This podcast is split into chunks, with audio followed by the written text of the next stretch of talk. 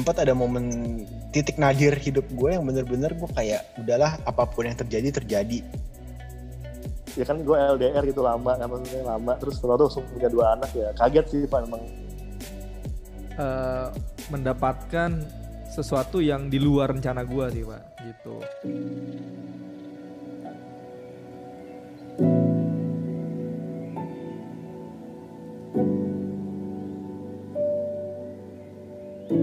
Selamat malam semuanya. Welcome to our first podcast Tiga Naga. Di sini gue ada Tommy um, dan juga gue ditemenin sama dua bapak gue, ada Pak Randi dan juga Pak Ardi. Coba halo dulu dong. Halo, halo, halo, halo. Halo, halo. Nah, jadi di podcast um, Tiga Naga ini kita bakal ngebahas hal-hal um, yang membuat hidup itu nggak gitu-gitu aja. Jadi kayak sesuatu mungkin um, tentang pekerjaan atau incidental event di hidup kita. Jadi kayak ya topiknya wise banget deh. Dan gue sendiri pun um, yang gue passionate perkenalan dulu kali ya kita ya Pak Randi. Boleh, boleh, boleh, Tom, boleh. gue kenalin diri gue dulu ya. Jadi uh, biar yang nggak kenal, nama gue Tommy. Gue um, saat ini ya kerja aja, tapi gue punya passion untuk uh, edukasi dan juga pendidikan yang lebih lanjut. Jadi kayak gue bakal rencana S2 dan itu briefnya tentang gue. Kalau Pak Randi, perkenalan dikit Pak. Boleh Pak. Kalau gue sebenarnya ya sama ya kerja basically, tapi juga other than that gue suka dengan kopi, suka dengan otomotif, sepedaan, segala macam begitu gitulah yang normal-normal aja. Wis, nggak normal tuh Pak. Bapak-bapak gaul. Keren banget. Tapi di sini kita juga ada satu lagi nih, Pak Ardi. Pak Ardi, ini Halo. yang paling spesial. Jelasin Pak hidup tuh. Waduh, sama sih sebenarnya kayak kayak lulu semua masih kerja kerja juga cuman bedanya gue udah punya anak dua aja kembar. Nah, eh, mantap. Jadi dari uh, perkenalan tadi kita, jadi kita ya gini, kita uh, just a normal white collar worker yang punya hidup, tapi kita pengen gitu, gitu aja. Di topik pertama ini kita bakal bahas apa ya Pak? Kalau gue sih ngelihatnya kayak seru nih Pak, kita ngebahas turning point nih Pak. Kan kayaknya kan pasti kan kita ini kan udah umurnya lagi di tengah-tengah ya gitu ya. Parubaya. cakep tuh Nah, pasti kan ada nih turning point kita nih Pak. Macam-macam Pak Tom, gua, Pak Ardi. Yang ngasih Pak Ardi? iya tapi kayaknya paling menarik ceritanya Pak Tommy kayaknya nih kalau Yang mana, boleh cerita Yang mana? dulu nih Pak Tommy kan salah satu pernah lah kena cancer gitu kan Oh coba iya. Pak Tom bisa share share dulu gak gimana awalnya terus sekarang kayak gimana gitu Pak Tom oke oke. Pas gue cancel cuma Pak Randi, Pak Ardi nggak jenguk gue.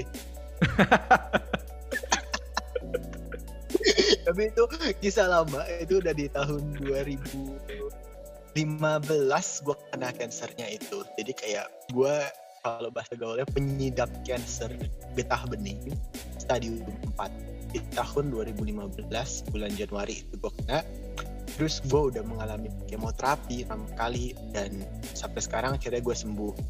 Udah enam tahun sih cuman memang gue baru-baru belakangan ini aja pengen ngomongin tentang kisah gue karena gue rasanya kalau awal-awal ngomongin kayak terlalu dini kali ya takutnya gue memberikan paham ataupun ajaran yang salah ke orang-orang tapi setelah enam tahun baru banget kemarin gue PET scan juga dan hasilnya itu bersih. Oh ya buat yang nggak tahu PET scan itu apa? Itu kayak em, salah satu make, apa teknologi gitu ya untuk ngecek Hmm. scan biar tahu apakah ada reaksi cancer atau enggak jadi gitu jadi kayak pas banget di tahun ini di bulan ini gue udah remisi 6 tahun Eh, dan itu sih memang jadi salah satu turning point hidup gue banget pas gue kena cancer itu Gimana tuh Pak? Jadi gue tuh jujur ya, maksudnya gue nggak kebayang gitu Pak. Pertama-tama istilahnya kan tadi kan kalau denger cerita dari Pak Tom kan kayaknya ya everything is okay right now gitu kan udah aman. Nah dulu-dulu Pak pas tahu pertama-tama Pak gitu dunia Bapak gimana tuh Pak? Pas pertama-tama. apalagi keluarga pacar gitu Pak kan Hmm. pasti kaget tuh Hmm, bener. Wah jangan bahas pacar membuka tempat membuka luka lama itu ntar Jangan. udah jadi mantan soalnya Yaudah yang lain Pak. Yang, yang Gak apa-apa Pak. Tapi kan kayak gimana gitu pacarnya gimana kan ketika tahu gitu waktu itu gitu. Eh, eh, Pak, eh, jadi em, pas gue pertama kali kena dulu aja ya, itu gue lagi Boleh, kerja di Surabaya. Dan di balik itu baru kayak ada istilahnya kayak namanya ya MT kan, kita masuk MT satu apa perusahaan Hmm. ada masa apa training baru diangkat dari training tersebut tiba-tiba langsung ada benjolan gitu yang gue udah ngeh kayak tiga bulanan sih. Benjolannya itu tapi gue biarinin aja dan gue nggak um, gue pikir ya ya udah ntar juga bakal sembuh sendiri. Tapi waktu itu makin lama makin besar dan gue mungkin antara kepo atau iseng gue pergilah ke dokter bedah. Terus ke dokter bedah itu tiba-tiba dokter bedah itu ngomong oh ini kayaknya kamu perlu dicek deh cara ceknya gimana dok? Gue bilang gitu kan. Dia bilang katanya harus dibiopsi and gue bener-bener cuman gue gue awam banget sama dunia kedokteran dan dunia medis. Jadi please notes buat teman-teman semuanya kalau misalkan ada kesehatan atau apa bener-bener ditelaah lebih lanjut. Jangan cuma percaya satu dokter. Karena gue percaya satu dokter ini akhirnya gue di biopsi diambil selnya itu di black dari bagian waktu itu di pangkal paha gue terus dicek dan tiba-tiba awalnya didiagnosis mungkin kamu kena TBC setelah hasilnya selesai dia bilang kamu kenanya malignant cancer malignant itu artinya kayak eh, ganas gue kayak "Hah, kanker ganas Itu Pak pertama Gitu, Pak. kan kita ngomong turning point ya. Setelah itu semua gitu Pak. Apa yang ada di kepala Bapak Pak? denial Gimana tuh Pak? Separah apa gitu denialnya? denial denial pertamanya denial ya kayak ah nggak mungkin lah lu pasti salah nggak mungkin lah gue masih masih muda kena gitu kan. Penyakit Iya iya. iya. terus um, dari awalnya denial terus pas mulai menerima bahwa gue kena penyakit ini gue mulai kayak apa ya mencoba mencari menyalahkan hidup gitu. Kayak event apa yang gue buat hidup ini yang akhirnya gue kayak dihukum quote and quote uh, biar menjalani penderitaan ini. Sempet tuh gue kayak kayak mikir-mikir apakah gue salah apa ya gue ngejahatin orang gimana gitu kan terus Padahal kalau banyak salah, Randi lebih salah ya Pak ya bedanya. Bareng Pak gitu. Bareng. Coba Tapi lanjut lanjut yang pasti lanjut. dari dari kita semua bertiga yang paling benar itu Pak Ardi soalnya sudah berkeluarga Bener bener bener. Lanjut Pak, lanjut Pak. intermezzo, intermezzo. Eh, ya terus eh, ya jadi dari perasaan eh, denial terus akhirnya mencari, mencoba mencari kesalahan baru sampai terakhir kalinya ya menerima pas gua udah menerima itu em, ya ujung-ujungnya sih ya turning pointnya itu membuat gue lebih pasrah sama hidup sih pasrah dalam konotasi yang positif ya Iya. Tapi gue lihat Pak nih Pak, misalkan ngelihat gitu. Malah sebenarnya tuh somehow kalau Bapak mungkin masanya pasrah ya gitu kan. Tapi gue malah lihat semangat Bapak tuh dari situ tuh naiknya luar biasa Pak. Kalau di saham ARA Pak, berapa kali Pak? Nah, itu itu gimana tuh Pak? Maksudnya kan biasanya kan orang tuh malah kayak eh, Down banget lah pasti. Bener nah, down banget. Nah itu gimana tuh Pak? Apa yang di otak Bapak biar bisa akhirnya malah nggak mundur, malah maju terus Pak? Em, pertanyaan sulit Moderat. Eh, gua ter- soalnya soalnya gue terinspirasi lah sama Pak Randi yang kayak hidupnya cuma pulang banget gitu Kalau itu jangan tanya Pak, Pak Randi. ya cemerlang. kan Pak Randi cemerlang lulusan termuda S2 S2 umur 19 tahun Anak-anak masih baru Jadi lulus SMA, Pak. Pak Randi udah ini Pak udah Wah ke distract, dokter Pak. ke distract Pak, ke distract. Enggak, itu bener Pak. lulusan terbaik itu pasti turning pointnya Eh, Pak baik, baik, baik, baik, baik, baik, apa Tommy lagi. Ya, gim- gim- gimana Pak itu Pak? Apa yang sebenarnya bikin Bapak kayak memutuskan gitu? Karena gini Pak, sorry ya maksudnya. Karena eh, pengalaman dari adik Ah. gua, adik gue tuh punya teman juga sebenarnya sama kayak Bapak kan istilahnya yang diidap gitu, tapi ujungnya ya nggak bisa ngobrol lagi sekarang. Maksudnya udah posisi udah beda lah tempatnya gitu kan. Nah, kita kan sekarang tuh sampai sekarang Pak Tom makin seger terus Masih achievementnya makin makin lancar aja. ya kan Pak Pardi kan udah tahu sendiri Pardi Iya bener-bener, kita kan udah tahu lama juga. gimana Pak itu Pak maksudnya apa yang bikin? Bapak akhirnya memutuskan gua nggak mau nyerah dan akhirnya fight terus dan akhirnya malah kelanjut terus ngegulung terus bagus gitu Pak Em, mungkin kembali lagi ke poin yang pasrah itu ya ketika gue pas kemo awal itu sempat ada momen titik nadir hidup gue yang bener-bener gue kayak udahlah apa pun yang terjadi terjadi kalau misalkan gue udah dipanggil pun ya udah gue terima gue udah ada titik terendah Pernah juga Pak ya? Bapak Jadi sampai titik itu Pak ya? Eh, pernah per- pernah pernah Padahal banget Bapak kan Orang yang positif positif thinking dibanding kita bertiga mungkin Bapak kali. Mm-mm. Di situ berarti Pak itu bener-bener turning Tapi point, pasti ada. Iya hebat berarti nih bener-bener. Iya, tapi justru titik itu yang membuat gue jadi kayak gini kali ya. Ketika ketika lu pasrah jadinya lu nggak berambisi terlalu banyak gitu ya. Jadi ketika lu ngejalanin sesuatu hal ya lu jalanin dengan coba mencapai yang terbaik sih. Jadi kayak eh, mungkin ceritanya kan panjang banget ya enam tahun. Hmm. Tapi kayak Mhm. momen pasrah hidup gue itu mungkin sekitar dua tahun setelah gue cancer. Itu Mhm. bener-bener gue ditempatin di uh, pekerjaan yang baru di waktu itu di sumber daya dan di sana bener-bener apa ya gue diibaratin kayak quote and quote orang sakit gitu jadi ya udah kayak memang dikondisikan bahwa gue ini sakit di sana untuk menyembuh jadi kayak gue juga nggak ada ngejar apa-apa di sana gue cuman bener-bener dua tahun gue itu gue juga kayak pasrah-pasrah aja sih kayak kerjain ini kerjain. Cuman nggak ada yang misi kayak semangat banget. Tapi mungkin setelah dua tahun itu gue berasa kayak hidup stagnan. Jadi setelah gue udah pasrah gue merasa ke titik di mana gue mulai stagnan atau comfort zone kali ya. Jadi ketika gue comfort zone itu yang membuat gue justru malah jadinya eh, gak betah ketika gue berada di comfort zone gitu di situ akhirnya gue baru mulai explore explore opportunity gue minta pindah ke tempat yang sekarang jadi tempat gue. Gue sekarang di di diplomasi hubungan hubungan internasional gitu. Dan dari titik itu ketika gue pindah mungkin gue pengen coba ngebreak stigma bahwa gue itu orang sakit. Sebenarnya intinya itu doang. Gue pengen ngebreak stigma bahwa gue itu orang sakit jadi gue ya do, do whatever I can untuk terus improve. Jadi mungkin kesannya bapak-bapak nangkepnya gitu. Mau kepanjangan pak? Menarik menarik Pak. Tapi jadi emang Menarik sih. hit rock bottom juga dulu Pak ya. Bener-bener rock bottom dulu baru baru bisa ngeliat ke atas gitu Pak ya. Akhirnya pelan-pelan ke atas gitu Pak ya. Jadi nah kalau Pak Ardi pernah nggak Pak hit rock bottom Pak? Apa tuh? Biasa aja sih kalau hidup gua gini-gini aja Pak Tom. Sama parah. di Ternate gimana pak perasaannya hit rock bottom nggak Ternate Ternate sih ya begini Pak. Emang tempatnya ya begini Gimana ya? Pak di daerah kan remote. Mungkin Pak Randi juga kan merasakan gitu. ya. ya disyukuri sih tapi memang kayak menarik tuh Pak Eh, hit rock bottom itu Pak ya baru bisa istilahnya kita mantul ya dari situ ya nah Hmm.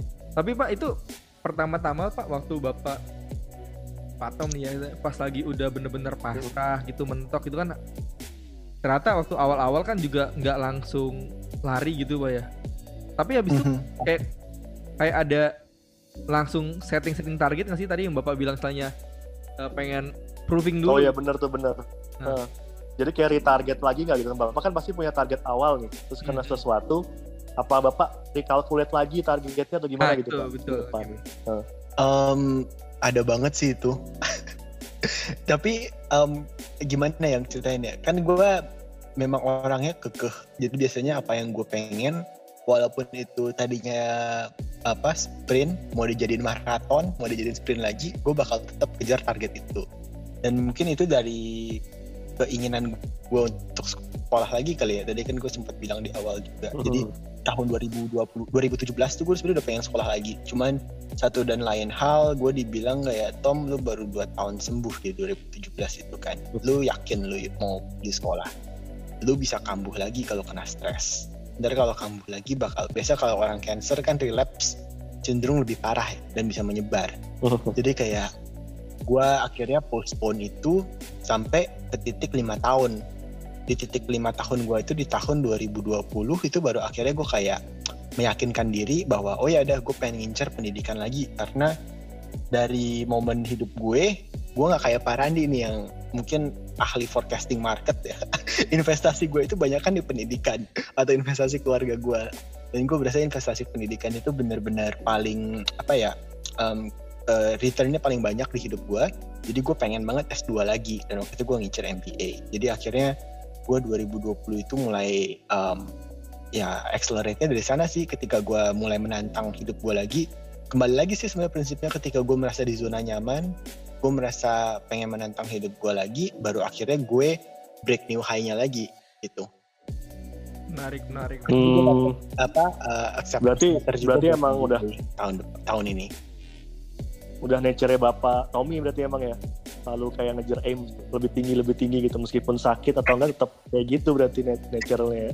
gue jadi kayak bapak-bapak ambi jangan gitu dong nggak emang nggak apa-apa pak namanya asal selama itu dilakukan Lu hidup gue Nggak datar apa-apa hidup pak, tapi ini kan inspiratifnya, inspirasinya di situ pak, inspirasi. betul betul Tapi kan eh, kalian juga pernah lah coba Pak Pak Randi pasti juga pernah ada kisah-kisah mengejar goal ataupun turning point untuk mengejar goal kan? Basically sebenarnya sama ya pada dasarnya gue punyanya uh, long term target. Medium sama short term target tuh masih bisa kita adjust gitu.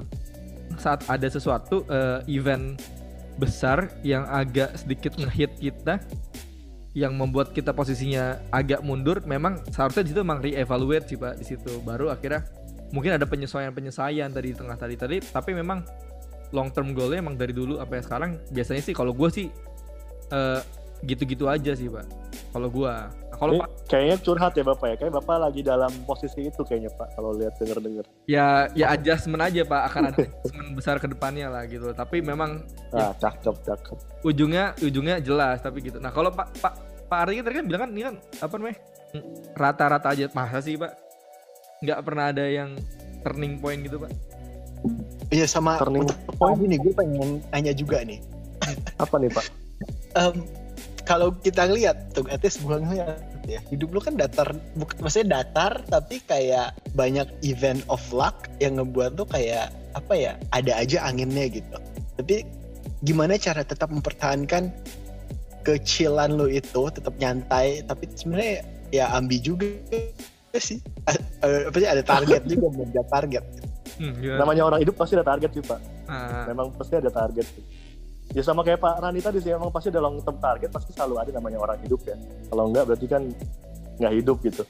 Tapi emang kadang-kadang pak, ya itu pak, di tiap momen kadang-kadang kalau kalau gue ya, kalau gue merasanya kadang-kadang kayak ada keberuntungan, ya udah lewatin lagi, lewatin lagi. Atau ya udah lewat aja semua gitu pak.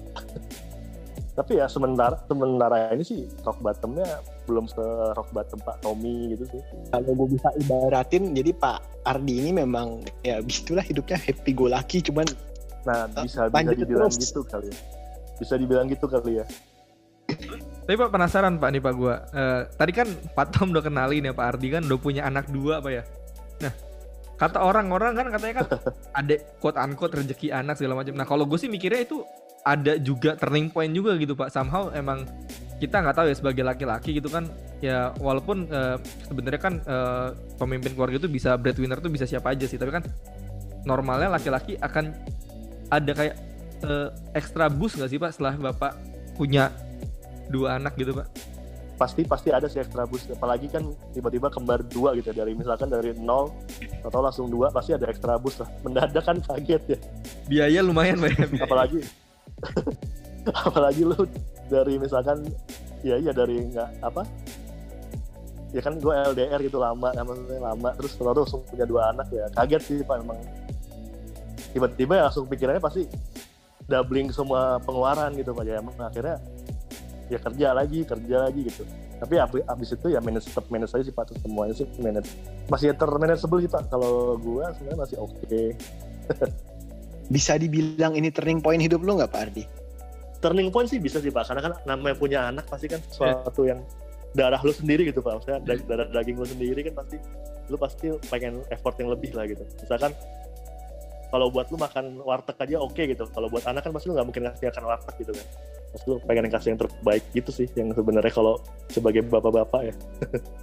Jadi paling berasa di situ pak ya. Paling berasa istilahnya eh apa ya kayak quote unquote sekarang eh, nggak cuma ngebawa diri sendiri tapi ngebawa orang gitu ya. Mhm.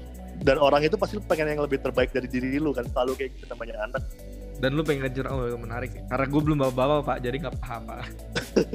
Sama nggak paham. pak Tom lagi pak. Nah Sur- surrogate Jadi- mom kan kan apa Surrogate turning point kita udah ada nih tadi. Turning point gue ngadepin cancer. Turning pointnya Pak Ardi tadi punya anak. Coba deh jelasin sekarang turning pointnya Pak Randi itu apa nih Pak? Yang momen turning point di hidup lo. Basically sebenarnya ya kan kalau planning kan kita punya pak ya kan? Tadi kan eh, long term segala macam gitu. Kalau gue sih basically eh, mendapatkan sesuatu yang di luar rencana gue sih pak gitu. Di luar rencana memang tapi itu sebenarnya ngelatih apa ya daya adaptasi kita sih gitu. Pasti memang kan kalau plan kadang-kadang kan manusia punya plannya cuman A doang pak. Walaupun sosok punya B C D segala macam tapi our prime plan tuh yang A gitu pak. Once udah kita punya B itu ternyata dibutuhin mindset yang berbeda gitu pak. Kayak gimana kita nyeting diri kita biar kita bisa ke B tapi tetap bisa tujuannya sama gitu. Kalau gue sih basically sih itu sih pak saat uh, gue mendapatkan yang tidak diduga-duga gitu pak. Kejutan lah seperti itu kurang lebih pak. Kejutannya ya udahlah ya gitu lah Ini maksudnya penempatan bapak di Kendari ya? ya, salah satunya pak gitu pak. Tapi memang nah itu menariknya maksudnya gini pak. Kan kita punya dua opsi pak ya. Punya dua opsi kita jalanin dengan ngegerutu atau ngejalanin dengan eh, dengan dengan happy ya maksudnya gimana ya? Maksudnya ya kalau gue sih akhirnya ngeliat oh ya udah kita tetap yang positif lah ya tetap positif yes tetap positif dan memang gue tadi mirip sama Pak Tom lagi sih jat- jatuhnya sih. Memang harus belajar terus gitu. Mungkin kalau gue sekarang jadi edukasinya itu bukan di yang eh, info- bukan yang formal tapi ya bagaimana eh, biar street smart lah pak gitu pak. Kurang lebihnya sih. Gitu. mempick up skill-skill yang belum pernah gue rencanakan untuk gue pick up. Jadi kalau tadi kita dengerin Pak Randi ini bener-bener ini ya apa? Bener-bener sangat positifnya dalam hal bersyukur, mensyukuri segala ke, apa Iya. keadaan yang terjadi dalam hidup. Pak Randi memang bersyukur bersyukur bersyukur dia orangnya 3B Be- kurang lebihnya gitu pak kurang lebihnya sama Pak Jokowi. Kalau Pak Jokowi kerja kerja kerja, ini bersyukur bersyukur bersyukur. Tapi itu bener-bener sebuah apa ya? Yang mindset yang kita perluin juga sih di hidup ini. Selain tadi kalau gue pasrah, kalau si eh, Pak Ardi tadi kan mencari yang terbaik buat eh, apa anaknya. Jadi kalau Pak Randi kita belajar bersyukur. Em, ini jadi apa? Kira-kira ada yang mau kita bahas lagi nggak Pak? Yang turning point mungkin satu. mungkin point. mungkin di sama Lagi. aja kali Pak Pak, Pak Tommy di sama aja gimana gitu ten- tentang turning point Oke, mungkin kita kasih satu pepatah atau satu cerita kayak dari masing-masing kita ya.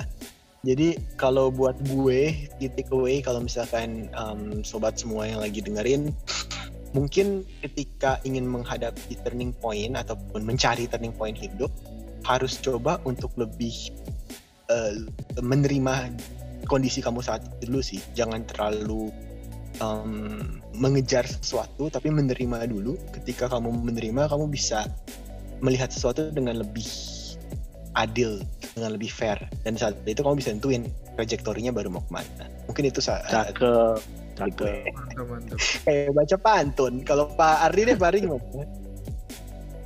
kalau gue pokoknya semaksimal mungkin lu manage apa pun itu yang terjadi di hidup lu meskipun rock bottom atau apa lu manage dan lu coba beli yang terbaik lah untuk semuanya itulah best effort buat diri lu gitu dan Oke. keluarga sih kalau gue kalau Pak Randi gimana nih Kalau Pak Randi, Kalau gue sih eh, mirip-mirip lah sama kalian-kalian ya. Jadi memang kalau apa pun itu dalam hidup kita, satu kan target kita udah punya ya.